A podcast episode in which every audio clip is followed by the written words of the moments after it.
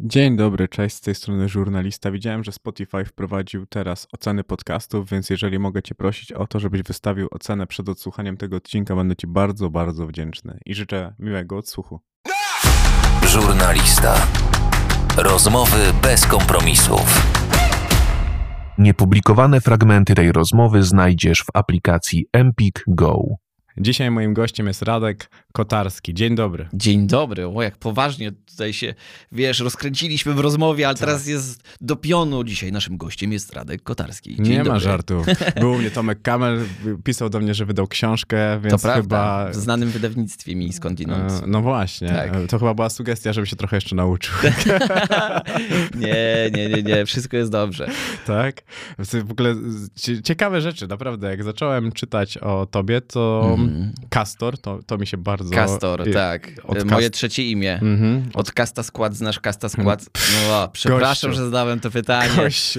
E, wrocławska premiera, tak. Absolutnie. To, to, to, wiesz, są takie przyjemne moim zdaniem momenty w życiu, kiedy jesteś trolem na bierzmowaniu i wiesz, że biskup wyda, wy, wypowiada twoje imię Kastor i on myśli, że to jest z łacińskiego bubr, a ty wiesz, że to jest z kasta składu i potem z kolegami po tym bierzmowaniu ciśniesz. On powiedział Kastor, ła! E, To są takie małe radości e, nastoletniego życia. Waldemar Kasta teraz wydaje chyba pożegnalną płytę. O, słowo pożegnalna płyta przy okazji Waldemara Kasty zawsze brzmi źle, bo on nie powinien wydawać pożegnalnych płyt, tylko po prostu płyty. Wydaje mi się, że jakbym sobie pomyślał o, o, o wpływie Kasta składu, o Don Guralesco, to, Mm. to, to, to, to wiesz, całe moje dzieciństwo. Jeden z takich momentów, których najbardziej pamiętam z nastoletniego życia, to jest to, kiedy Don Guralesco, i chyba nikomu o tym nigdy nie Mhm. powiedziałem, e, minął mnie w toalecie po, swojej koncer- po swoim koncercie i po prostu spotkaliśmy się przy pisuarze i ja zac- zacząłem do niego mm, mówić, co jak sam wiesz, nie jest jakoś szczególnie e, pożądanym e, zdarzeniem w męskiej toalecie, zwłaszcza wtedy, kiedy obaj trzymamy odpowiednie rzeczy w rękach. Ale i nie, nie wiem, co mnie podkusiło i pomyślałem, że zagram największym aktywem, który w tamtym czasie miałem, czyli, że umiałem dobrze robić strony internetowe, kiedy, wiesz, na początku lat 2000 nie była to jeszcze powszechnie y, znana umiejętność. I on powiedziałem, hej Góral, wiesz co, ja ci zrobię stronę internetową, jak będziesz chciał. I on powiedział, spoko, nie ma problemu, fajnie. E, I, I jakoś tam potem wymienialiśmy maila. Ostatecznie mu tej strony nie zrobiłem, nie, wiem, nie pamiętam już dlaczego, ale, ale nawiązaliśmy kontakt na tej, na, tej, na tej płaszczyźnie i dla mnie to było absolutnym zaszczytem, że ja mogę zrobić em, takiemu gwiazdorowi w, m, takiego formatu. Wiesz, dla mnie się wtedy nie liczyli amerykańscy raperzy. Don Guralesco to był, to był mój idol. I więc, więc to jest tak jakby dzisiaj, wiesz, jakiś dzieciak z mm, osiedlowego Orlika spotkał e, przy pisuarze Roberta Lewandowskiego. To była sytuacja, którą ja przeżyłem, tylko z, że z góralem. Ciekawe, czy ten dzieciak potrafiłby robić stronę internetową. To by było, to by było słodkie na pewno, ale, ale, ale rzeczywiście dobrze zacząłeś. w ogóle jak napisałem na Twitterze, że będziesz u mnie, Mhm. to pierwsze, jakie pytanie mogło paść, to jak myślisz, jakie? Kurczę. No nie, no, nuda. O podcasty twoje z a, Dawidem. z Dawidem. Pytanie o, a, czy wrócą podcasty z Dawidem? Gdybym dostawał dolara za, każdym, za każdym razem. Tak, podcasty z Dawidem i też mogę to ogłosić u ciebie, one wrócą. My myśleliśmy i nagramy jeszcze w międzyczasie film, który będzie o tym mówił. Myśleliśmy, że one wrócą teraz na jesień, ale Dawid tak bardzo intensywnie pracuje nad płytą e, swoją, a z drugiej strony wieczorami tak bardzo intensywnie gramy w Magic the Gathering, Mhm. że, że, że e, te podcasty wrócą, ale wrócą e, na wiosnę 2022. Wow, to już mamy ten rok? Niewiarygodne. Ja już myślałem, że ludzie nie dożyją do tego roku, a jednak. Mm, Więc, więc e, to Muszą jest tak, dożyć, że... bo pan musiał musi do mnie przyjść w październiku. A, rozumiem, okej, jest, 22. jest umówiony, ale tak znowu myślę o tym z perspektywy zielonogórskiej, wiesz, że tam w 96 roku, jak sobie myślałem o roku 2022, to to przypominało Mm. takie opowieści, że wtedy będzie, będą Przecież wszystkie w 2000, samochody latały. w 2000 miał być koniec świata. A właśnie, a, pro, a propos, dokładnie, przeżyliśmy wszyscy. E, Więc wrócimy z tymi podcastami. Bardzo się cieszę, że z drugiej strony, wiesz, to, to, to, to nie jest tak, że mnie irytuje to pytanie, bo, bo ja widzę w tym pytaniu drugie dno, że jednak ktoś chce tego słuchać. Super. Ja dzisiaj sobie sprawdziłem, ile masz subskrybentów na, na YouTubie, bo to mnie, to mnie Mhm. zastanawiało. A nawet nie wiem ile. Wiem, że więcej niż 700 tysięcy. Tam z 700, około 70, 750 Nieźle. tysięcy. Wow. To tak zastanawiało mnie, czy to jeszcze idzie tak cały czas równomiernie w górę od pewnego poziomu, bo ten, pamiętasz ten wyścig Krzysztofa Gonciarza, ten milion? Oj, nie zarejestrowałem O, to niestety. tak, on tak trochę to groteskowo już robił, że wiesz, jest tyle na tym YouTubie, i, Mhm. a tyle twórców już ma ten milion, a on jeszcze, jeszcze nie ma. To jest, Okej. jakaś, jest jakaś taka skala ambicji, że chciałbyś to mieć, czy w ogóle o tym nie myślisz? Nie, zupełnie o tym nie myślę. Ja wiem, że to, wiesz, zacznijmy może od tego, co być może będzie jakąś wartością tej rozmowy. Ja zawsze staram się mm, zasypać moje wyrzuty sumienia i doprowadzić do sytuacji, w której ktoś, kto tego słucha, wyciągnie z tego jakąś obiektywną rzecz, która się może przydać Mhm. w życiu. I wydaje mi się, że to jest, będzie ten kącik. Okej. ten moment. Dlatego, że y, jest taki badacz mediów, mogę śmiało o nim tak powiedzieć, który nazywa się Ryan Holiday. I Ryan Holiday swojego czasu przeprowadził taką dość ciekawą analizę obecnego stanu mm, mediów e, na świecie. I on doszedł do wniosku, że o ile koniec lat 90. jeszcze zahaczał o taki klasyczny model subskrypcyjny, w Mm. którym ty mając jakieś medium, które lubisz, gazetę na przykład fizycznie istniejącą, kupujesz ją bez względu na to, jak krzykliwy jest nagłówek w niej. Mhm. Że jesteś przyzwyczajony do subskrypcji. Albo ona jest wyrażana przez ciebie codziennie, wychodząc do kiosku, albo też faktycznie Mhm. ją robisz, czyli prenumerujesz. Czyli ufasz jakiemuś miejscu niezależnie od tego i czerpiesz z niego wiedzę, rozrywkę i satysfakcję. Dzisiaj następuje odwrót od tego modelu subskrypcyjnego do takiego modelu klasycznie nagłówkowego, w którym wracamy do początku lat 20. XX wieku, mm, gdzie stało wielu krzykaczy z przewieszonymi gazetami e, na, mm, na nowojorskich ulicach na przykład i oni wzajemnie przekrzykiwali się nagłówkami Mhm. z tych, z tych, z tych y, mm, gazet. I ty, im bardziej cię ten nagłówek zainteresował, to wtedy się decydowałeś na to. I wydaje mi się, że dzisiaj, zgadzam się z Ryanem Holidayem pod tym względem, że wróciliśmy do, do tego modelu nagłówkowego, czyli ty możesz mieć ogromną bazę subskrybentów, ale do momentu, kiedy te nagłówki nie krzyczą to nic z tego nie będzie. Prosty przykład, dwo, dwa moje ostatnie odcinki, jeden nagłówek dość mocno moim zdaniem krzykliwy, Mm, to jest o tym, odcinek o tym, jak, y, co się dzieje w głowach ludzi, kiedy wybucha wojna. Mhm. Odcinek łącznie na wszystkich platformach dobił do miliona y, odbiorców, Mhm. A potem odcinek o jabłkach, o polskich Widziałem, oglądałem. jabłkach. Ja nie wiem, czy on przekroczył 200 tysięcy wyświetleń, nie sądzę. Chyba nie, chyba nie. Chyba nie. 130 coś Tak, chyba, tak, tak. rano Więc, oglądałem. więc wiesz, no my mówimy o tym samym kanale. Mhm. Tylko zwróć uwagę na to, że ten algorytm obecnie będzie promował krzykliwy nagłówek, więc wydaje mi się, że liczba subskrybentów jest liczbą absolutnie pustą. To jest liczba potencjalna.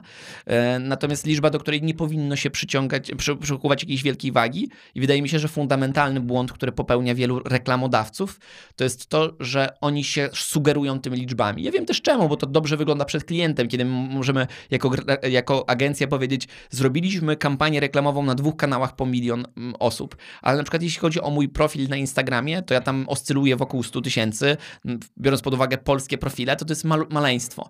No tak, tylko że mój y, kafelek w Insta Stories dotrze do 25 tysięcy odbiorców z tych 100 tysięcy, a nie do, wiesz, 4 tysięcy, jak to czasami niektóre Mhm. profile, które mają milion, są w stanie dobić, więc, więc to, to nie jest tak, że ja w tym momencie chciałbym powiedzieć wszystkim reklamodawcom, że liczy się wartość i zapraszam do mnie, bo, bo, bo, bo nie, nie, ja też robię tych kampanii bardzo mało, ale, mm, ale liczba subskrybentów, czy w ogóle liczba potencjalnego audytorium, to jest taka liczba, która y, służy być może do zaspokojenia własnego ego. Ja na całe szczęście y, na tym polu nie, mu, nie muszę, innym. zaspokajam sobie czymś innym. Absolutnie Karmisz, tak. to, karmisz to gdzie indziej. Tak. I wiesz co, z drugiej strony też mnie to zastanawiało, że algorytm to jedno, Mhm. ale ludzie obserwują teraz strasznie dużo rzeczy i tak samo subskrybują strasznie dużo rzeczy. I też jakby Prawda. to weryfikuje, bo kiedy obserwujesz na Instagramie tysiąc osób, ja sobie nie wyobrażam nawet 500, Mhm. to nie zobaczysz wszystkiego.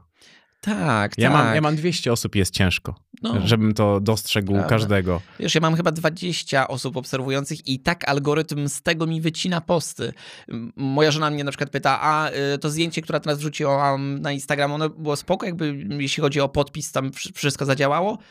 Y, A ja mówię, nie widziałem nawet tego zdjęcia. Mi al- To algorytm- jest genialna wymówka. Mnie o to Patrycja często pyta. Nie widziałem. Nie widziałem. Tak, tak, tak. Ale tak, koleżanki Tak, obok widziałem. tak, tak. tak, tak. No to wiesz, algorytm, słuchaj, Algorytm. niezbadane są wyroki algorytmu. Jakoś chyba do niej bardziej pasuje. Tak, tak, tak, tak, tak, tak.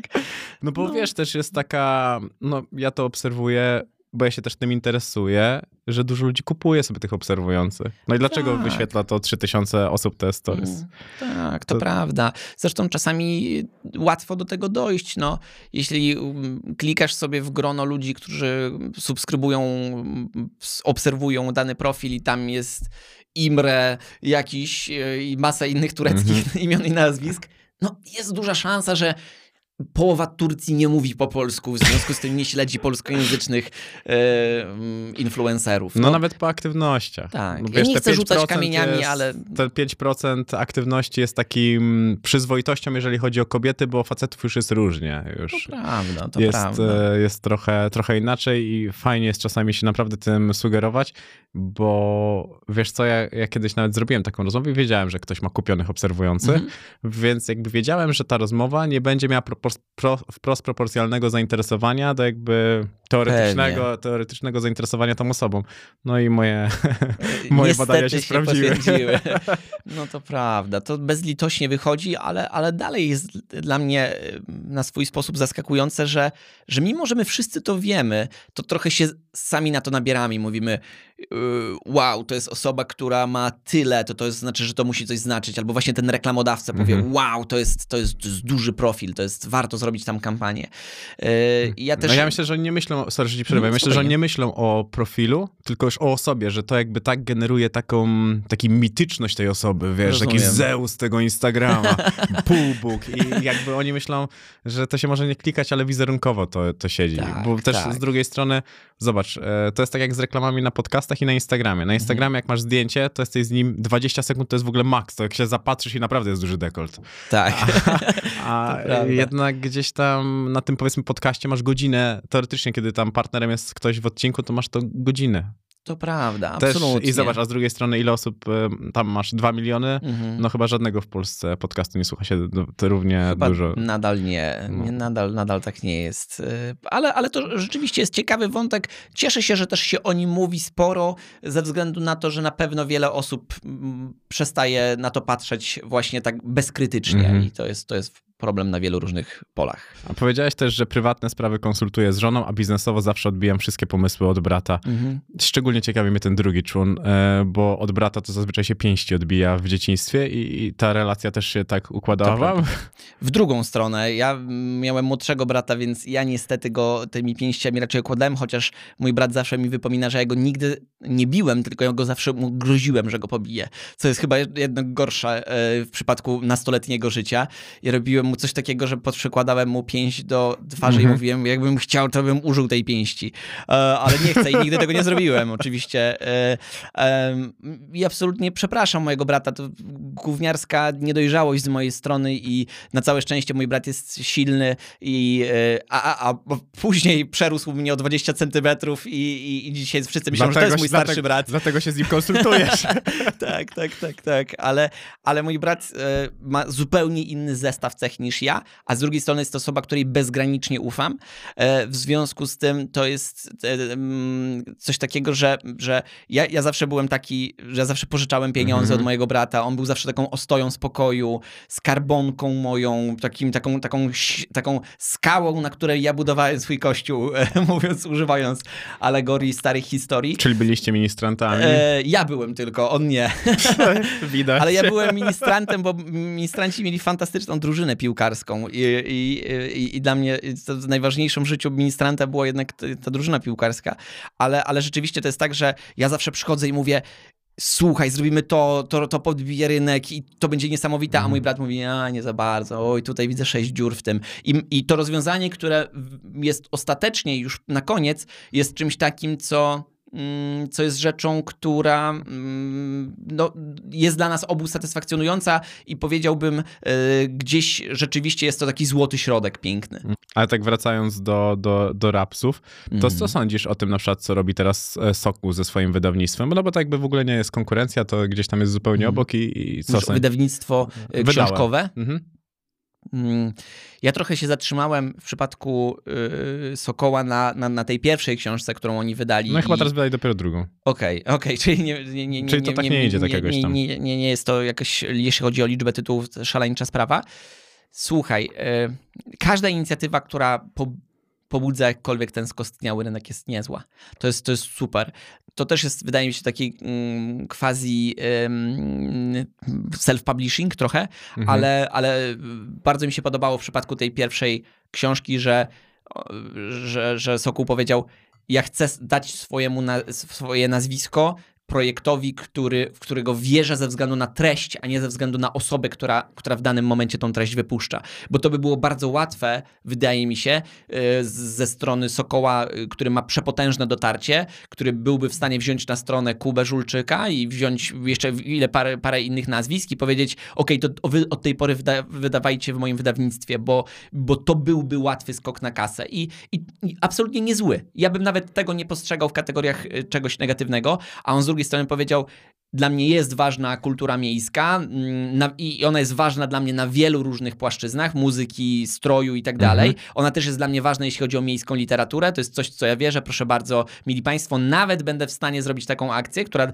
dla nas jako wydawnictwa, być może nie konkurencyjnego, ale jednak dla wydawnictwa była y, czymś wow. To jest to, że, że, y, że właśnie Wojtek był w stanie wziąć y, autora i objechać y, parę różnych mhm. miejscówek po to, żeby swoją własną własną osobą zaznaczyć, hej, to jest istotny temat. Ja go promuję, bo, bo, bo wierzę w to co, to, to, co robię. Wiesz, my żyjemy w takiej rzeczywistości, jeśli chodzi o nasze wydawnictwo, której będąc na tym etapie jeszcze stuprocentowo yy, online, dla nas każde spotkanie autorskie oznacza ogromne problemy logistyczne, mhm. jeszcze teraz pandemiczne, więc dla nas to nie jest oczywiste to, co oni zrobili jeszcze w takiej intensywności. Więc trzymam kciuki, kibicuję. Rynek jest na tyle duży, że, że nie, nie odczuwam czegoś takiego, że o Jezu, on za chwilę będzie podkupował moich autorów. Jeśli im będzie lepiej u niego, proszę bardzo. No, mi się też wydaje po prostu, że to są zupełnie różne, różne zabiegi. Też mm. Wojtek dobiera tych ludzi tak, wiesz, bardzo do siebie, żeby to tak. było wizerunkowo takie sokołowe. Tak, tak, jakkolwiek, tak. Jakkolwiek to, to brzmi I, i to jest ciekawe. A ty myślisz, że, albo czy uważasz, że telewizja dobrze wykorzystuje internet do własnej promocji?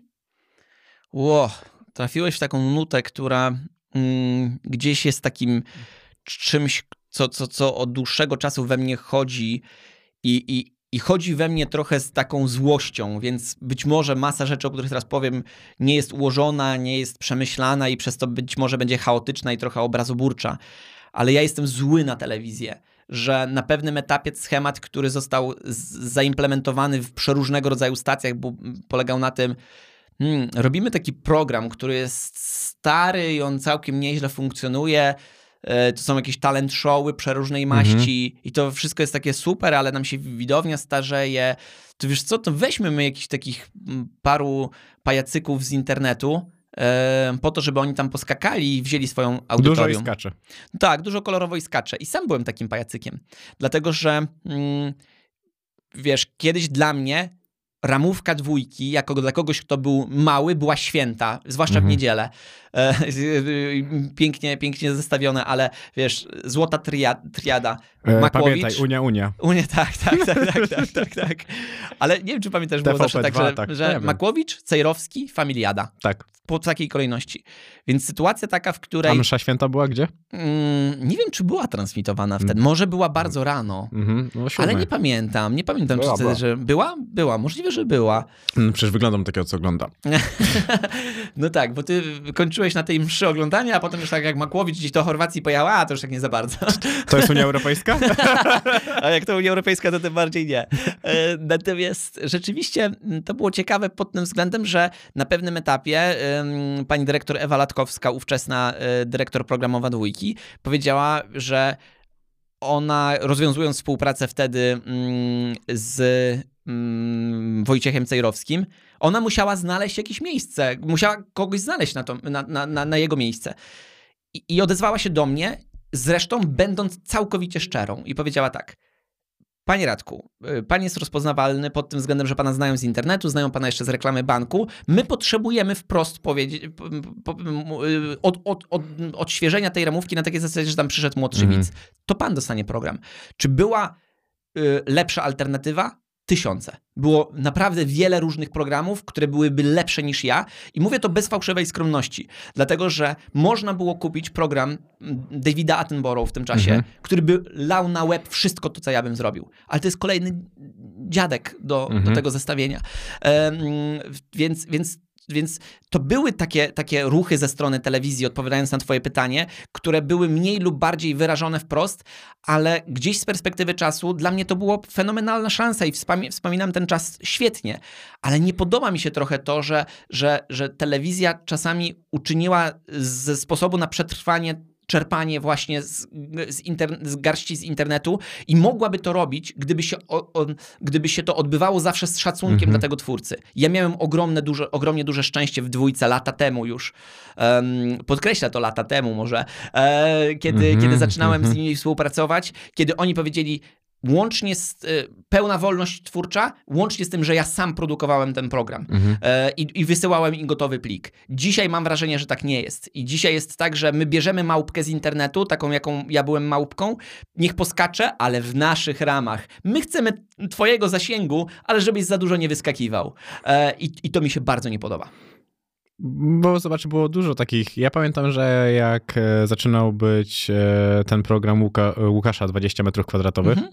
to, to był program, który na przykład w Polsacie widziałbym jako konkurencyjny do tego, co TVN ma z Kubą Wojewódzkim. Tak. Dlaczego tego, to się nie działo? Mnie to zastanawiało, że tych ludzi można było tak do tej swojej układanki upychać i robić naprawdę fajne, fajne rzeczy z nimi. Łukasz też otwarcie i szczerze, mm, to też bardzo mi się w nim podobało, że mm, mówił o tym, że ten program internetowy jest jego drogą do telewizji. Oczywiście na pewnym etapie zmienił ten. Tam się ogólnie dużo Mm, rzeczy zjebało tak. po prostu, no bo tam nawet się nie da tego inaczej określić chyba. No na pewno pozmieniało się, pozmieniało się drastycznie. Na pewno się zmieniło też jego nastawienie całkowicie i myślę, że gdyby ktoś mu dzisiaj zaproponował taki talk show w telewizji, to by go nie zrobił. Natomiast e, pamiętaj, że, że my też e, przykładamy dzisiejszą miarę do tamtejszej miary. Kiedy Łukasz startował, zdaje mi się, w 2011 roku, bo on miał kanał chyba o rok starszy niż mój e, i wybuchł dość mocno na takiej zasadzie, że dużo osób o tym mówiło, dodawanie i to wszystko było jakieś takie spektakularne, to nadal y, nawet w latach późniejszych, 2014-2015, mieliśmy solidny beton po stronie mm, dyrektorów programowych y, albo też osób, które decydowały o tym. I dzisiaj nam jest łatwo powiedzieć o tym, to był ogromny potencjał, ale to jest trochę tak jak ocenianie wartości akcji na giełdzie papierów wartościowych z perspektywy Mhm. czasu. Dzisiaj wiemy, że to było coś atrakcyjnego, ale wtedy to też było ryzykowne. Tylko, że to wtedy już generowało liczby. Moim zdaniem to jest trochę łat... Może, ale wiesz, oceny. ale jednak z drugiej strony być może ci starzy redaktorzy byli przyzwyczajeni do tego, że się inaczej zaczyna Tylko zobacz, no to jest problem telewizji, a nie, nie internetu. Tak, tak, tak. Absolutnie był to problem telewizji. Bo tutaj mogłeś, zobacz, to ja to przy, przenoszę do takiego Fame MMA, że Mhm. masz gości, którzy nie potrafią, masz jakiś tam, masz zawodników, ale tworzysz organizację, gdzie ludzie mają zasięgi i tak samo bierzesz gościa, Tak. który przeciągasz go po prostu na swoim szale, bo on ma zasięgi, on ci generuje oglądalność. Nie musisz tworzyć nowego produktu, gościa, który nie ma nazwiska, ale jest, wiesz, po dziennikarstwie i jest, wiesz, e, wyligany, tylko bierzesz kogoś, kto już to robi, ma, swój, ma swoją widownię, przeciągasz go. Biznesowo nie rozumiem, dlaczego ktoś tego nie dostrzegł wcześniej. Zgadza się. To tak jak ty byś miał. Mhm. ty byś miał, dostałbyś gościa, który sprzedaje książki, wiesz, że sprzedaje i, i dlaczego miałbyś go nie wiedzieć? Wytłumacz mi, no. Mm, Wiesz co, to jest dość dobry przykład, k- który sam fantastycznie zauważyłeś. My, y, jako wydawnictwo, w większości przypadków wydajemy książki rozpoznawalnych ludzi. Mhm. dostawaliśmy propozycje ze strony mm, przepotężnie znanych autorek i autorów, którzy powiedzieli: OK, my zostawiamy starego wydawcę, chcemy być u Was w wydawnictwie. Mhm. I e, czy my możemy w takiej sytuacji generować dużo większe przychody? E, jasne, że tak. My płacimy autorom cztery, cztery razy więcej niż To normalnie wiem, płacili. Jasne, spoko. Tylko i, i, i- można by było powiedzieć, że to jest sytuacja, gdzie dwie strony wygrywają, ale my na pewnym etapie mówiliśmy, y, jest ogromnie duża szansa, że twoje audytorium, droga autorko, drogi autorze, nie jest przyzwyczajone do tego, że kupuje twoje książki Mhm. w internecie. Tylko to są impulsywne zakupy na dworcu, w Biedronce, w księgarni, gdziekolwiek indziej. E, a u nas tak nie jest. U nas ten, ta książka po pierwsze jest droższa, jest trudniej dostępna, musisz mieć e, jakiś zestaw cech, żeby ją kupić w internecie. Więc trzeba by było się pogodzić z tym, że ta książka się nie sprzeda w 100 tysiącach egzemplarzy, tylko na przykład w 25 tysiącach. Tylko zobacz, zarabiając cztery razy więcej, musisz odpowiadać sobie na pytania, czy chodzi ci o to, żeby tego było dużo, czy żebyś ty miał dużo na koncie. To prawda, ale na przykład wielu z tych autorów, o których my mówimy, oni już mają dużo na koncie i dla nich jest ważniejsze szersze dotarcie, Zbigniew bo oni Miłoszewski. Wiedzą, e, na przykład, więc e, myślę, że, że, że, że to jest taka osoba, która, której już zależy na tym. Nie, nie sądzę, żeby akurat on był gościem, który był jakoś motywowany kasą w ogóle w perspektywie swojego całej twórczości. Mm, Raczej bym mu takiej łatki nie przyłożył, ale... e, ale tak na jak przykład bratu wtedy, pięć do policzki. tak, jak będziesz mi wypominał i pamiętał. To już nawet on zapomniał, mam No. nadzieję. E, Natomiast, natomiast, Blizny jeszcze ma. natomiast rzeczywiście jest tak, że widzisz, obiektywnie można powiedzieć współpraca wymarzona, ale Mhm. nie dochodzi do niej. I wydaje mi się, że czasami tego typu W przeszkody dobrych mogły zadziałać. czasami nie się nie da dojść. No. Eee, no. Tak, a propos tej telewizji i internetu, że czasami to są takie maluteńkie sprawy, które, które krzyżowały tą, mimo, mimo tego, że, że, że powiedzmy, że wszystkim by się opłacało. To krzy- było krzyżowanie konia z osłem chyba, wiesz? Wychodził tylko z tego muł. Eee, no, mnie, mnie to zastanawiało i zastanawiało z perspektywy gościa, który jest już w tym, no 10 lat, tak? No. Tak, tak, 10 w następnym roku będzie 10 lat. Niezwykłe. Przecież ja dopiero zaczynałem. Ojej. No, tutaj przypomniałeś mi o procesie starzenia. E, Mm, ale- Spojrzałem na, to, na te siwe włosy. Za te siwe włosy właśnie, ale to jest y, z drugiej strony wiadomo, że, że bardzo dużo się pozmieniało. E, Kiedy pamiętam w 2012 roku te, te, mój kanał już docierał do kilkudziesięciu tysięcy odbiorców i te odcinki się oglądały fenomenalnie. Każdy odcinek pół miliona wyświetleń, niezwykłe. I, i przy, przychodziło do tego, żeby wycenić to pół miliona wyświetleń wtedy, no to wiesz, my na przykład dla nas standardem było robione, robienie product placementu za 3000 zł. Mhm. No nikt nie myślał, że to może kosztować drożej. Wiesz, co No- o tym powiedziałby Marcin? no właśnie się boję, tak, tak, tak, tak. No ale, ale wtedy nam się wydawało, że to w w ogóle są jakieś szaleńcze pieniądze. I, a, a z drugiej strony za to samo pół miliona od, wyświetleń w telewizjach ci sami reklamodawcy płacili o wiele in, zupełnie inne stawki. No i obiektywnie nie można mówić o, o tym, że to tyle powinno kosztować. No cena to jest tyle, ile ktoś Mhm. jest gotowy za to zapłacić. Em, ale, ale, ale, no, ale, ale tak było po prostu. Mhm. To ciekawe. A, czyli masz dużo pewnie deali, których żałujesz, że robiłeś. Co? Yy, wiesz co? Nie mam dużo deali, które żałuję, że zrobiłem. Powiedzmy, że mogę mieć jeden deal, którego żałuję absolutnie, ale na moje ogromne szczęście to było tak, że zrobiliśmy product placement. Yy, to była sytuacja okropna, straszna. Ja zostałem zaangażowany jako prowadzący do czegoś, co było z 5 lat temu. Stawka była dla mnie kosmiczna wtedy. Pamiętam, że miałem za to dostać 20 tysięcy złotych. Wow, to było coś niewiarygodnego dla mnie.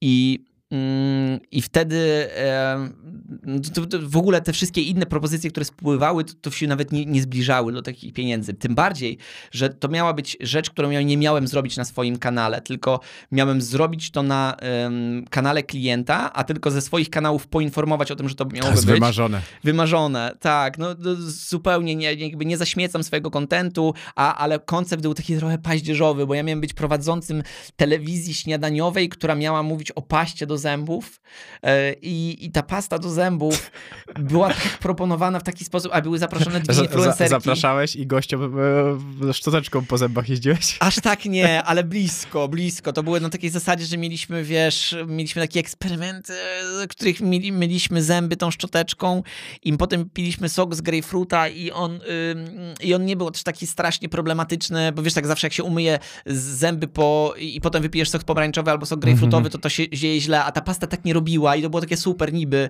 I wiesz, to wszystko było takie przaśne i paździerzowe i okropne. I był ten moment publikacji, kiedy ktoś mi wysłał to, a jeszcze nagrywała to tak zła ekipa, że to było tak. Nie, nie. I, i- ja powiedziałem wtedy, że, że ja chciałbym najchętniej się wycofać z tego projektu. Oni powiedzieli, nie, już podpisana jest umowa, nie da się. I ten odcinek został wypuszczony.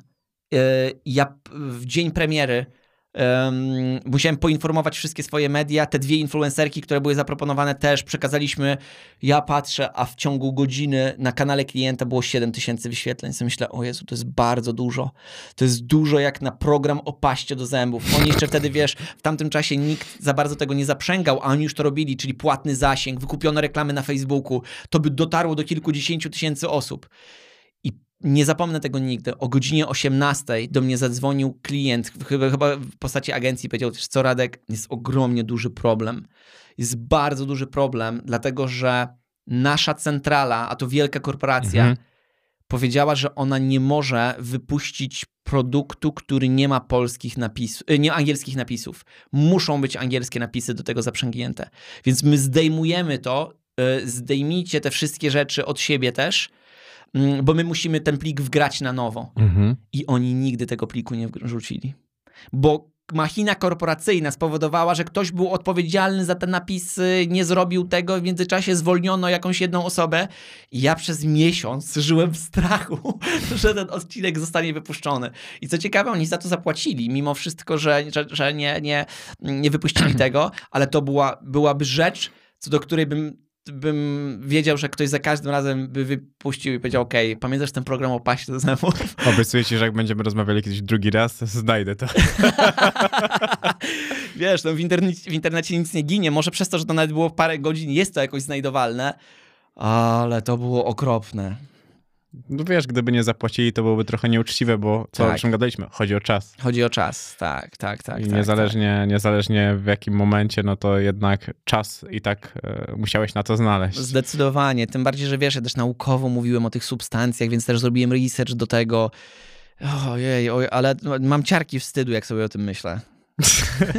to niesamowite. I też wiesz, e, wydaje mi się, że wy w tamtym momencie byliście w gruncie rzeczy takimi dzieciakami biznesowymi. Te wiesz, 3 to są biznesmeni za, z podwórka, no, jak, jak 3000 za pół miliona, no to, to wiesz, jakby chodziło z tego, że to nie była tak niska realna wartość, tylko tylko wycena była. To prawda. I, I ten, wydaje mi się, że dużo ludzi ze sobą walczyło o to, żeby mieć tam kogoś, żeby jakby z tego się tak, utrzymywać. Tak, tak. Też pamiętaj o tym, że to były takie czasy 2013-2014, w których też to było bardzo modne, żeby do każdej kampanii, która była dorzucić influencera internetowego, internetowego, ale na to był taki śmieciowy budżet przeznaczony, taki mhm. eksperymentalny, że wiadomo, że to nie, nie, nie ma znaczenia. Mhm. A my czasami za to właśnie 3000 zł byliśmy w stanie zrobić większe, większy wpływ na produkt niż reklama w telewizji.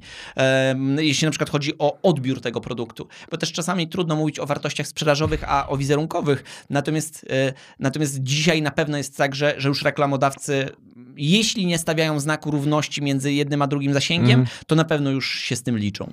Podcasty chyba są teraz na takiej, tak mi się wydaje, tak. podobnym położeniu. Się co... sprzedaje skórę w podcastach tak. nadal, no. rzeczywiście, bo, bo to jest taka nowość. No, ale znowu musi minąć taka faza, która miała miejsce na YouTubie, że dzieci marketerów, klientów mhm. przychodzą i mówią, ja słucham tego. E, I to jest super, mhm. i to jest mhm. fajne. E, I dopiero w tym momencie ta, ta stara gwardia mówi: A co to są te podcasty? A tu gdzie, dlaczego tu nie ma obrazu? Co się popsuło? E, a to tak ma być. I, I oni się zaczynają z tym oswajać, bo właśnie zaczynają słuchać tego, tak jak powiedziałeś, przy okazji jazdy mm, samochodem Ktoś to kiedyś ze znanych, e, Dana Carvey chyba kiedyś o tym powiedział, mm -hmm. że, że, że podcast to jest takie niesamowite medium, że ono towarzyszy ludziom przy, przy, słucha- przy kupowaniu awokado. No w polskiej rzeczywistości pewnie bardziej przy kupowaniu ziemniaków, ale, ale przy kupowaniu czegoś jednak. Mm -hmm. A jak twoje podcasty, te, te twoje po prostu? Polimatowe? Mm -hmm. One się mają nieźle, e, natomiast to, to Szczególnie może... od grudnia. Szczególnie od grudnia, tak, tak, tak, tak. To prawda. Wiesz, że jest zaraz następny grudzień? Ja wiem, wiem, szybko czas leci, niestety. Aj, aj, aj, aj, aj. Ale mam pomysł na nowy format podcastowy, um, gdzieś, który, który będzie dedykowany tej, tej, tej formie. Widzisz, nie chcę użyć tego, tego porównania e, bo je użyjesz w tytule i ono będzie strasznie Dobrze, dla mnie krępujące. Więc ja powiem to zdanie tak, żebyś go nie użył. Ja nie jestem jak Ricky Gervais. E, e, absolutnie. Ale dzielę pewnego rodzaju cechy wspólne z nim. Mhm. I Ricky ma coś takiego, że nudzi się dość szybko projektami, ale nudzi się nie w takim znaczeniu, że, że uważa je za mało wartościowe, tylko chce innych. Mhm. I do Rickiego bardzo dużo ludzi ma pretensje do tego, że The Office miało tak mało, se- mało sezonów. Mhm. E, W ogóle to, że jego mm, teraz ten najnowszy Netflixowy serial e, Afterlife ma już chyba drugi albo trzeci sezon, to, to, to już jest też niesamowicie. Jak na Rickiego to jest dużo. On ma, miał masę fantastycznych e, programów, jak Extras, e, fenomenalny serial, jeśli ktoś go nie zna, bardzo polecam. Z początków kariery Rickiego, kiedy Ricky przez całą swoją y, y, młodość chodził jako statysta na planach i potem zrobił o tym serial, który był dla niego y, trochę przełomowy, bo był pięknie prawdziwy. Mm, I, i, ja trochę mam tak jak on, że, że dla mnie polimaty mają ogromną wartość, super, ale jakbym miał działać w tej formule przez lata, to się po prostu nie da. No nie, nie jestem w stanie się do tego zmusić, po prostu. Okej. A tak serialowo y, coś konsumujesz teraz? Mm, Dużo oglądam seriali, ale, ale rzeczywiście już staram się, biorąc pod uwagę, że wiem, jakie to jest zaangażowanie czasowe, yy, trochę sprawdzać. Jak widzę, że coś ma 7 sezonów yy, i wszystkie są dobre, to myślę, no może jednak nie, bo, to, bo to jest za dużo. Na przykład yy, o- ostatnio Squid Games mi się spodobało pod tym względem, że to jest jeden sezon i mam nadzieję, że drugiego nie będzie. Chociaż jest ogromna presja, bo pieniądze, które leżą na stole są ogromne. Ym, ale, ale wydaje mi się, że to, co jest niesamowitą odwagą cywilną, to jest właśnie to, co Ricky ma i, i, i czego staram się od niego złapać garściami. Że są rzeczy, które potencjalnie na stole leżą, które są łatwą, łatw, Mhm. łatwą gotówką. W moim przypadku jest coś takiego, że ja w jed- moją pierwszą książkę, nic bardziej mylnego, książkę o mitach, e, o, o 50 najpopularniejszych mitach w popkulturze, że tam wiesz, Napoleon nie był niski i tego typu rzeczy. To się świetnie sprzedała. Dotarła do 50 tysięcy sprzedaży, była super i właściwie tak naprawdę można było kolejne mity pisać i, za każ- i wydać cztery książki w tym przypadku. Za, to, to, to jest nisko wiszący owoc. Tylko, że to zobacz, to są dwa spostrzeżenia, krótkoterminowe i długoterminowe, bo Mhm. moim zdaniem wtedy robisz tak, produkt z produktu, Mhm. a teraz robisz markę z siebie, przez to, że kolejny projekt wypalił. Trochę tak, coś, coś w tym może rzeczywiście być, ale, ale wiesz, jest taka czysto ludzka pokusa odcinania kuponów od czegoś, co dobrze zadziałało. Wiem, bo ja tak też miałem. Mhm. I, No, i, i wtedy się poddałem. Okej, jednak. No nie, stwierdzi, poddałem się, w sensie sprzedałem firmę. Mhm. Bo stwierdziłem, że bez sensu. W ogóle nie Mhm. rozwijam się, bo ja jestem uzależniony od rozwijania się. Mhm. No tak, tak, tak, tak. No bo, a, a co z drugiej strony ewolucyjnie jest rzeczą mm, wcale nie, nie, nie taką pewną, dlatego że gdybyśmy my mieli taką chęć do tego, żeby za każdym razem było inaczej, to można sobie wyobrazić taką sytuację, w której jest jakieś ognisko, nasi praprzodkowie y, spożywają jakiś posiłek i, i, i, i nasz praprzodek sobie mówi, kurczę, jakoś tak fajnie, że sobie upolowaliśmy, a jakoś tak mi nudno trochę, może bym pobiegał po lesie. Mhm. E, No, i, a to, że spotkam tygrysa szablozębnego gdzieś tam e, na, na, na swojej ścieżce, no to, no to bywa życie. Nie, nie. Nas jednak ta ewolucja pcha do tego, żeby, żeby nie chcę użyć słowa strefa komfortu, bo ona została tak strasznie wyświechtane przez pseudo-coaching, ale, ale, ale ta nasza rzeczywistość, w której my znamy i się czujemy dobrze, mm, no, no jest, jest, jest dla nas ewolucyjnie istotna. Więc y, sytuacja, w której, o której opowiadasz, nie jest, wydaje mi się, naturalna w takim znaczeniu, że, że, że jest przewidywalna i powinna zostać stosowana. A to, że to się wiąże przy okazji z takim biznesowym konceptem, który ładnie nazwałeś, że to jest budowanie marki osobistej, a nie budowanie produktu i odcinanie z Mhm. jego kuponów, to jest już taka rzecz, której mój mały rozumek nie, nie pojmuje świadomie, kiedy to się dzieje. Jeśli, mm, bo, bo to nie jest świadome kreowanie marki, na takiej zasadzie, że sobie myślę, wiesz co, to jest dobrze, żeby się pokazać u kogoś tutaj, albo, albo to jest źle, żeby iść na tą imprezę. Życie jest za krótkie, moim zdaniem, na takie, na takie rozważania. Teraz ścieżki są inne, tak ci tylko to się po prostu. tak, to Mm, prawda. Ale można po nich zobaczyć tygrysa. Zgadza się, zgadza się. A skąd wiesz? E, no wiesz, no tutaj masz sytuację taką, w której mm, zagrożeń czyha na nas tak bardzo dużo zewsząd, że ty nie wiesz nigdy, czy wizyta gdzieś nie jest wizytą z tygrysem szablozębnym.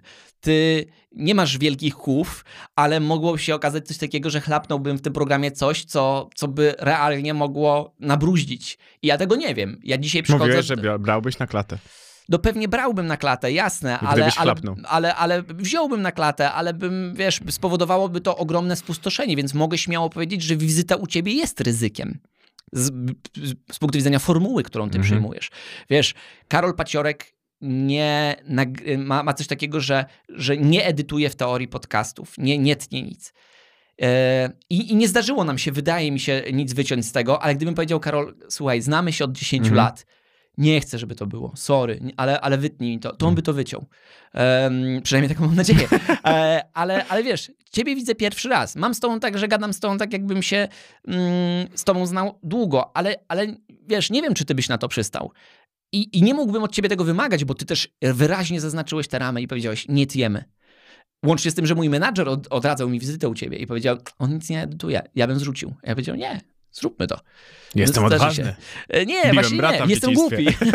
w tym przypadku. Być może nie, nie, nie potrafię przewidzieć konsekwencji, że to będzie tygrys szablozębny, na który ja się Mm. na, natnę. Wiesz co, też mogę ci tak powiedzieć, że jakby reguła jest, że nie tnę, ale nie chciałbym komuś zrobić źle, bo ja miałem tak z Mhm. Julią Wieniawą i mi było źle, że o niej media pisały, bo tak samo było mi źle z Okej. Marcinem, Jasne. bo to nie jest fajne. Mi nie o to chodziło, bo ja Mhm. tutaj przychodzę i chcę trochę poznać człowieka. Miłe masz to nastawienie. W ogóle śmieszne jest to w kontekście ciebie, że ja, ja nie znając ciebie, słuchając jeszcze opowieści, a, a mm, jeszcze przed tym, kiedy się spotkałem z twoją treścią, to ja, ja o tobie myślałem jako o takim demonie tych, tych, tej, tej sceny, że ty wyciągasz takie najgorsze rzeczy, że to jest w ogóle jakiś taki, wiesz, ym, n- jakby Kuba Wojewódzki na sterydach pod takim względem, że, że jest w stanie tak otworzyć kogoś, że ktoś tam właśnie wypłakuje swoje rzeczy i mówi sprawy, których nigdy nie powiedział terapeucie, bo się wstydzi. A potem zacząłem cię słuchać i to było takie dla mnie zderzenie z rzeczywistością. I pomyślałem o tym, i być może to jest yy, niepochlebne, co ja tobie powiem, że ty masz takie bardzo przyjemne, mm, nieśmiałe, fanowskie podejście do swoich Mhm, yy, tak. gości. Tak, tak, tak. Że ty jesteś w stanie powiedzieć, hej, to jest na przykład rzecz, o której się od ciebie nauczyłem, cenię yy, Mhm. cię za to i to jest dla mnie zaszczyt, że, że się z tobą Słuchałeś widzę. rozmowy z Tomkiem Kamelem. Tak, na przykład. To było też nie- niezwykłe. Bardzo jest dla mnie słodkie to, że ty mówisz o wielu osobach na pan, Mhm. mówiąc o tych ludziach. Nawet kiedy tutaj rozmawialiśmy wcześniej, powiedziałeś o kimś na pan, o, o kim ja nigdy bym na pan nie Pan powiedział. Prokop. Pan Prokop, właśnie. To słodkie jest. Ale znaczy, to jest u mnie takie... będzie o szacunek, że Tak. jak kiedy nie poznałem, nie podałem ręki, nie powiedziałem Jasne. cześć, jestem Marcin, to nie, nie To pozwala prawda. mi to myśleć o nim w kategorii... Jasne. w Bardzo, kategorii- bardzo to cenię I, i to jest taka rzecz, która jest, wydaje mi się, taką właśnie nieśmiałą, XIX-wieczną estymą, którą można obdarzyć drugiego człowieka, ale niekoniecznie w naszych czasach to robimy. Niestety, bo Mhm. wydaje mi się, że świat idzie do przodu, ale niektóre momenty powinny zostać z nami na dłużej, niż Tak. tylko, wiesz, były zaznacznikiem w, na tej osi czasu, bo nawet jak ja widzę, wiesz, jaką mam największą różnicę? Jeden, jak przychodzi do mnie ktoś, kim się jaram, to, to ja tego nigdy nie ukrywam, bo To to... jest bardzo piękne, bo, bo to jest... z drugiej strony, jak przyszedł Mhm. do mnie Kizo, to powiedziałem, że dzisiaj pierwszy raz słuchałem twojej całej płyty. Mhm. Bo Jasne. starałem się znaleźć treść, bo nigdy tam tego nie szukałem. Pewnie. I pewnie. wydaje mi się, że podejście uczciwe do tego jest e, fajne, bo nie każdy znajduje już na to odwagę, to na pewno, żeby powiedzieć to, to, to wprost, ale kurde, wiesz, przez godzinę każdy może być każdym. Ja to często tu mówię. Oczywiście, że tak. Przecież kurwa, no to godzina. To Tak. dobry. Możesz grać przeróżne rzeczy. E, I, i, i na, na, natomiast na pewno jest tak, że my, i mówię my jako ludzkość, e, przynajmniej z mojej perspektywy, Mhm. cały czas mamy jakieś takie wrażenie, i ja tak na pewno też mam, dlatego powiedziałem my, e, że uczciwość ma swoją negatywną e, stronę na takiej zasadzie, że płaci się za to określony koszt, że, że mm, ja wiem, że kiedy powiedziałbym za dużo u ciebie, to poniosę z tego tytułu No określoną stratę. Tak. W związku z tym staram się, i, a, ale z drugiej strony znajduję w sobie na tyle uczciwości, że w, w tym świecie, do którego cię już zaproszę Mhm. i o nim mogę mówić otwarcie, o takich rzeczach, które są często trudne, no bo ja nie jestem z perspektywy czasu dumny, że przykładałem pięść mojemu bratu do twarzy i mu groziłem, to, to ale jeśli się już decyduję na to, żeby Mhm. cię wpuścić do tego świata, to tu już będę uczciwy. Tak. Biedny brat. Ile pewnie zataiłeś. tak, A z kim słuchałeś jeszcze, jeszcze rozmów? Mm, słuchałem właśnie z Eldo, słuchałem z Marcinem Gortatem, e, z Tomkiem, ym, z kimś na pewno jeszcze, tylko że wiesz co... Marti to, Renti płakała, bo tak e, mówiłeś o płakaniu, to, to Marta Rentel mnie płakała na pewno. To E, tego nie słuchałem, okej. niestety. Ale wiesz co, ja czasami mam tak, że po prostu gdzieś jadę i Mhm. sobie słucham fragmentu, nawet też trochę Rozmowa z, trudno mi Eldo, zaliczyć. rozmowa z Eldo bardzo... Całą przesłuchałem, piękna rozmowa. E, bardzo, bardzo, bardzo niesamowita, chociaż mnie Eldo fascynuje na wielu różnych gruntach i nie zawsze mnie fascynuje dobrze. W sensie, nie, ja nie wiem, czy ja bym go z nim lubił prywatnie, mimo to, że jest dla mnie kimś, tak jak powiedziałeś, półbogiem. Mhm. Ktoś mi napisał po tej rozmowie, czy nie mam wrażenia, że w szkole Eldo zabierali kanapki. Okej, okej. Chociaż ciekawe, bo myślę, że to jest taki typ, który by sobie nie dał tej kanapki zabrać, ale z drugiej strony, wiesz co, nie wiem, czy też tak masz, chociaż prawdopodobnie ty masz y, z racji tego, co robisz, nie posiadasz komfortu niespotkania swojego idola, a ja czasami ich nie chcę spotkać, bo dla mnie to Nie, jest, no to to ja jest tak zobaczenie Whoopi. Goldberg pod prysznicem, jak to kiedyś był ktoś, ktoś, jeden z producentów powiedział o tym, co z perspektywy dzisiejszej y, jest być może mało y, politycznie poprawne, no, ale w tamtym czasie ta, ta, ta historia chyba nie miała jakiegoś, jakiegoś takiego negatywnego zabarwienia, Mhm. przynajmniej taką mam nadzieję, że, że dla niego Whoopi Goldberg była czymś no, bóstwem i Mhm. on zobaczył fragment, jak przychodził Whoopi Goldberg, jakby po prostu bierze prysznic i on nie miał żadnego s- seksualnego tam y, mm, jakiegoś nastawienia na to, tylko powiedział, że to było dla, niej, dla niego nie- niezwykle negatywne doświadczenie, bo on zobaczył, że Whoopi Goldberg bierze prysznic tak samo jak każdy normalny człowiek. E, i, I to było dla niego zdarzenie Mhm. ze ścianą, że Whoopi Goldberg, ona zawsze jest czysta i pachnąca, bo, no bo to, jest, to jest Bóg.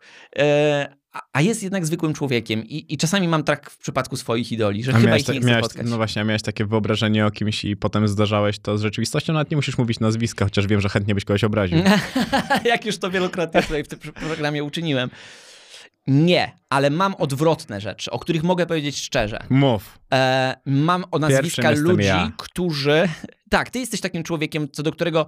I, I niestety to jest moja plugawa, straszna cecha, że często na początku szukam kimś czegoś złego, a potem się niesamowicie rozczarowuję pozytywnie. Ty byłeś takim, takim, taką osobą, ale ja cię znałem z opowiadań. O, więc Mhm. to na moje usprawiedliwienie. Ale na przykład już z bezpośredniego mm, doświadczenia znałem Tomka Kamela z telewizji Mhm. jak byłem mały. Ja go nigdy kurczę nie do końca lubiłem. Jakoś miałem wrażenie, że on jest sztucznym gościem, jest sztucznie uprzejmy. Ale potem, kiedy go poznałem osobiście i zobaczyłem, że on jest zawsze uprzejmy dla kogoś i jest szczerze uprzejmy, to myślałem, wow, sorry, byłem dla ciebie niesprawiedliwy i mu to powiedziałem. E, I to był taki typ, który, mm, który na mnie zrobił w drugą stronę wra- wrażenie, bo potem zobaczyłem to, ile on w stanie jest życzliwości dać ludziom, którzy em, normalnie tej życzliwości nie, nie dostają. Na przykład to jest cała kadra, która pracuje za kamerami. Wiesz, my nagrywaliśmy, ja Tomka poznałem na takiej zasadzie, że zostałem do niego przypisany jako ekspert w, w teleturnieju wiedzowym, który Tomek prowadził. Mhm. E, i, I nagrywaliśmy to w studiu jednego z dziesięciu w Lublinie, gdzie tam, wiesz, taki stary klimat telewizji. Ludzi, którzy pracują tam od 40 lat, oni, oni jeszcze nagrywali, wiesz, orędzia Bolesława Chrobrego. Mhm. Więc, więc to, to, to, to oni nie byli przyzwyczajeni do takiego, te, czegoś takiego, że ktoś takiego formatu jak Tomek Kamel się nimi interesuje. Że, że on pyta, co słychać u rodziny, on, on ich zna, on ich kojarzy, on wie, że ta pani na kuchni robi najlepsze mielone. Em, super, ale no jak, jak duża niesprawiedliwość ze strony, ze, strony, ze strony ludzi. Zresztą mm, sam się czasami na tym łapię, ale też wiem, jak to działa i jak, jak ma to mm, na, na, na na znaczenie y, u, u y, osób postronnych, jak na przykład u mojego pana Leszka, mojego fachowca w zakresie budowli, Mhm. który mi właśnie kiedyś powiedział, że mój kolega redakcyjny Robert Makłowicz jest największym bucem, jakiego w życiu spotkał. E, ja wtedy zapytałem, panie Leszku, co się stało? On mi powiedział, że jak się kiedyś zatrzymał na autostradzie A2, to Robert Makłowicz tankował z taką bardzo smutną miną. Mm, I, e, i tankował mm, swój samochód w takim, taki zadufany m, sposób. Wow. Niesamowitą rzecz, którą można opowiedzieć o drugim człowieku, przypisać mu masę Mhm. y, cech, co spowodowało, że ja potem jak ten durny kretyn, bo inaczej o sobie nie mogę powiedzieć, zawsze tankowałem z uśmiechem. E, A, to kiedy- głupie. E, absolutnie, a już dzisiaj nie. Już dzisiaj tankuję w takim nastroju, jaki aktualnie mam. Ale kiedyś na pewnym etapie, chociażby nawet ta historia e, z Robertem Makłowiczem, z panem Robertem Makłowiczem, przepraszam, bo ja z panem Robertem Makłowiczem jestem cały czas na pan. E, więc tutaj a propos e, tego, czym Zobacz, mówiliśmy, jak się zagolopował. Zobacz, jak zobaczyłem, na, na, spojrzałem na ciebie i od razu sobie, sam się przypomniałem. Ale historia z panem Robertem Makowiczem była rzeczą, która na mnie zrobiła na duży czas duże wrażenie i była dla mnie destruktywna. Mhm. Wiesz, że ja z Tomkiem Kamelem miałem zupełnie odwrotnie, że ja byłem takim ulicznym dresiarzem Mhm. i zawsze podziwiałem ludzi, którzy mają taką odwagę być tak miłym, i, miłym dla ludzi, bo Okej. trochę kojarzyło mi się to jakby ze słabością, bo byłem idiotą Mm, i zawsze mi to imponowało właśnie. O tą drugą wow, ciekawe, ciekawe. Jak te, tą samą osobę można, można postrzegać na dwa różne sposoby. Czyli to jest zawsze znaczenie, które my nadajemy ludziom i rzeczom, a nie, a nie ich obiektywne istnienie w przyrodzie. Widzisz? Mhm. A jak y, już zmierzamy do brzegu tej rozmowy, konsumujesz nowe media trochę? A jak rozumiesz nowe Na media? przykład niuans. Chyba nie. Akurat niuansu nie, kon, nie konsumuję zupełnie. E, Ja też jestem trochę daleko od takiej ulicznej kultury, której, której, której e, niuans jest głosem, bo to nie jest moja kultura. Mm, ale wydaje mi się, że ta, oni się też trochę odcinają od tego. Oni na tym Okej. zbudowali wizerunek. E, wiesz, oni trochę od molestu do Dawida podsiadło. Mhm. Tak muzycznie nawet. Jasne. Radiowo to chyba też. To, że ktoś dzisiaj gra rapsy w radiu, no to duże radia też już grają. Mm, Pewnie Mniej, tak, ale no wiadomo, jasne. że nadal, nadal dużo, nie? Nie mam czegoś takiego, co by mnie tak, wiesz, tam chwyciło za jaja i powiedziało, okej, to ja znowu w tym takim trochę modelu Chwyciło subskrypcyjnym. za jaja i jesteś z zielonej? pierwsza liga, pierwsza, liga. Pierwsza liga, absolutnie. E, nie, jakoś, jakoś to, to, to, to jeśli pytasz na czy, przykład tak czytasz bardzo coś, szeroko. jak jeżeli chodzi o media? Czytasz, oglądasz? Czytam stare media, ja od lat czytam forum, czytam politykę, nie zmieniają się też rzeczy, które, które, które konsumuję. To jest też niesamowite, że zobacz, jak też nigdy o tym nie powiedziałem publicznie, jak ktoś teraz usłyszy, że czytam forum i politykę, to on mnie jednoznacznie zakwalifikuje. I to jest już też... o Unii wystarczyło, przez. E, więc więc e, to prawda. No, też jest to moim zdaniem absolutnie niesprawiedliwe. Profesor Matczak ostatnio o tym ładnie mówił w swoim podcaście, że jak, jak, jak czytasz e, Michela Foucault albo czytasz Jordana Petersona, to jesteś lewakiem albo prawakiem, a, a jednak warto jest zapo, za, za, zapoznawać się z dziełami od lewa do prawa i, i bez sensu jest nadawać tą etykietę. E, i, i, I z drugiej strony trochę tak mam taką trudność w mówieniu o tym, że ja jednak staram się być neutralny mm, o mówieniu o tym, co, co ja robię i co czytam i czym się otaczam, ale, ale, ale zdecydowanie konsumuję więcej starych mediów, ale podcast jest dla mnie starym medium. Tak, no bo to jest Tak. taka stara audycja trójkowa. Tak, tak. Tok FM. Piękna, w której się nie musimy, nie musimy się e, spieszyć. A z drugiej strony telewizja śniadaniowa jest dla mnie nowym medium, którego nie akceptuję. Bo, bo jeśli w 7 minut mam opowiedzieć o, o psychologii kognitywnej, którą badałem przez ostatnie 6 lat i, i y, napisałem to na 304 książkach i bardzo się spieszymy, bo za chwilę będą sałatki, to, to, to nie jest medium, które mi się podoba. Tylko masz prawo nie przyjść, bo to też druga sprawa, no Tak. możesz nie iść. To prawda, mogę nie iść i w większości przypadków nie chodzę, chyba że mam w tym interes. To wtedy pójdę. Hmm, zdrowe podejście. I jeżeli masz na to dobre 7 minut, bo to jest tak, że 7 minut Tak. to nie jest tak, że wpadasz na 7 minut i wychodzisz stamtąd po, wiesz, po 7 minutach, tylko no niestety to też To jest prawda. długo, dłuższy, dłuższy proces. Mnie to zawsze imponują ludzie, którzy przyjeżdżają specjalnie do Warszawy Tak. do Dzień Dobry TVN albo do pytania na śniadanie. To prawda, to prawda. Natomiast oczywiście też nie można odebrać uroku tym mediom. Na pewno dla ludzi to jest, to jest istotne i to jest tuba promocyjna dla niektórych rzeczy, ale Nie, nie, nie, czekaj, to, to cię zatrzymam. Uważasz, że Dzień Dobry TVN może cokolwiek wypromować? Tak na szerszą skalę? Mm, na szerszą skalę być może nie, ale, ale wiesz co, y, widzę to w takim, w takim, takim stopniu, że mm, zobacz, ja byłem w pytaniu na śniadanie i wtedy to Ło, to się, nie, to się z polityką trochę gryzie. Powiem tak, byłem w pytaniu na śniadanie w 2017 roku, e, więc tak jakby nie oceniając zupełnie w żadną, jedną z drugą stronę, oczywiście to też nie jest tak, że pytanie na śniadanie dzisiaj e, robi jakąś, jakąś propagandową robotę, bo, bo jakbyś prze, obejrzał to, to jednak nadal jest to program o sałatkach e, albo o mniej lub bardziej ważnych problemach prowadzony w profesjonalny sposób i to też nie jest format, który ja hejtuję, ani mm, mówię Dzień Dobry TVN, Mhm. bo mam osoby bliskie mojemu sercu w obu tych programach. E, Natomiast y, to jest tak, że, mm, że y, ja na przykład w pytaniu na śniadanie y, doprowadziłem do sytuacji takiej, w której, y, w której moja książka tylko po tym programie znalazła y, 3000 nowych ab- nabywców. 3000 książek sprzedanych w, w 12 minut to jest bardzo dużo. Bardzo. E, Więc, więc te media mają siłę jakąś, ona pewnie z czasem słabnie, ale, ale na pewno pamiętaj, że one mają też taką siłę wartościującą, która polega na tym, że ja na przykład mogę powiedzieć o tym, że są ludzie, którzy pozycjonują się jako eksperci Dzień Dobry TVN w czymś. Tak, tak, to Więc prawda. oni są w stanie kapitalizować później swój status, niekoniecznie em, mając bezpośredni wpływ na, na, na osobę, która to ogląda i, i wiesz, i nie zwraca na to uwagi, bo je parówki w tym czasie. No okej. To, Mhm. to jestem w stanie dodać bardzo dużo tych książek. 12 minut, naprawdę 3000. Sporo, absolutnie. To była taka szalona sprawa, dlatego że... Mm, Aż ciężko w to uwierzyć, szczerze tak, powiedziawszy. ale serio, tutaj bym nie, nie, nie koloryzował. Ja pod względem sprzedaży książek zazwyczaj staram się trzymać to w, w drugą stronę Mhm. i mówić, a tam ile tam sprzedaliście książek? No tam pod 200 tysięcy. No to Mhm. tak brzmi no, mało.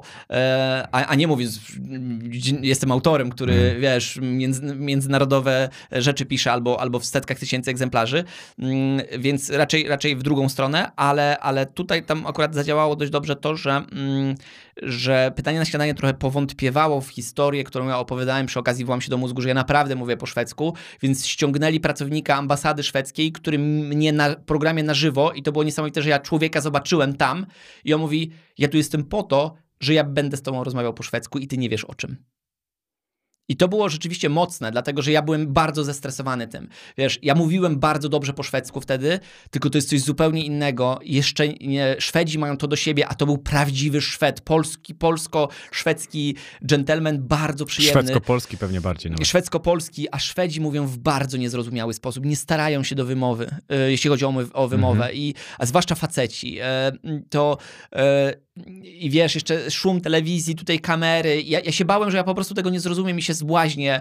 E, i, i, I faktycznie z nim rozmawiałem, co było na pewnym etapie śmieszne, bo wiesz, jest polska telewizja, dwóch gości gada sobie, ze sobą przy, od, od dwóch minut po szwedzku i nikt nie wie, o co chodzi. My zapomnieliśmy o tym, że Mhm. w tym momencie bez napisów cała Polska ogląda rozmowę po szwedzku. I, I ludzie byli pod tak dużym wrażeniem tego całego eksperymentu i tego, co się działo, że się masowo rzucili do kupienia tej książki. To świetnie, bo powiem ci chyba, że nie poznałem drugiej osoby, która powiedziała, że tak e, Mhm. praktycznie telewizja śniadaniowa przyczy, przyczyniła się do... I przyznam ci rację, bo wielu naszych autorów, którzy byli po mnie wtedy i wiesz, sprzedawaliśmy siedem książek, coś koło No, tego. no to właśnie ja No. myślałem, że rozmawiamy o, o też o takiej skali, bo... Onet rano sprzedawał swojego czasu dość dużo. Tak? E, Ze względu na to, że w przypadku wydawnictwa naszego, które jednak nadal cały czas sprzedaje wyłącznie w internecie, u nas jest ważna ta droga, którą ty musisz pokonać od momentu, kiedy się zapoznasz z konceptem na, konceptem, konceptem na książkę, do momentu, kiedy klikniesz Mm. kup książkę. Jeśli postawisz za dużo rzeczy dookoła albo możliwych rozproszeń twoich, to, mm, to, y, to, to jest stosunkowo duży problem. Czyli na przykład jak ja jestem w Onecie rano i ktoś może od razu w tym samym miejscu ogląda mnie na komputerze kliknąć książkę Radka, Mhm. to jest ok, ale kiedy na przykład ja siedzę w telewizji i nawet mówię, że tą książkę można kupić na jakiejś tam stronie, która ma jeszcze domenę Altenberg, Mhm, mhm. to samo to słowo jest, wiesz, na tyle niezrozumiałe, że za chwileczkę, za 30 sekund ty możesz nawet nie pamiętać, jak to się nazywało. Więc, więc u nas za każdym razem taka polityka jest taka, że my minimalizujemy liczbę kroków, którą ty musisz Mhm. zrobić, żeby od momentu, w którym podejmiesz decyzję o zakupie tej książki, żeby ona się faktycznie u ciebie znalazła. Nie myślałeś wtedy, żeby skrócić domenę trochę? Zrobiliśmy to 4 lata później do alt.pl. No właśnie, więc, bo... więc, więc faktycznie to, to, to była taka rzecz, e, która, która zadziałała, ale, ale wiesz, znowu, biznesmeni z podwórka, my nie wiedzieliśmy o tym do momentu, kiedy nie dostaliśmy w tyłek i, i zobaczyliśmy o tym, że, że ludzie mm, faktycznie do nas nie trafiają przez zbyt trudną nazwę wydawnictwa. Piękna rozmowa. Od ministranta do podostawania w tyłek. Pamiętam cały czas ministranckie czasy i ja je spo, spo, spodziewa, wspominam dobrze. Jest dla mnie absolutnym dramatem to, co się e, w wielu miejscach dzieje. Oczywiście e, wiadomo jest tak, że, że my jako natura ludzka skupiamy się na, na potwornych rzeczach, które obiektywnie nie powinny istnieć, ale, ale ja miałem to wielkie szczęście, że moje ministranckie czasy były, były dobre. Były czyste. Były czyste, czyste. Powiedziałbym, że one były nawet czyste i, i smaczne, jakkolwiek to brzmi źle, dlatego, że my po Ksiądz prostu się mył. Wpieprzaliśmy... o Jezu, o Jezu. Ale nie, my wpieprzaliśmy masę opłatku, który jest pyszny. Tak. E, który w wiadrach leżał na, na plebanii.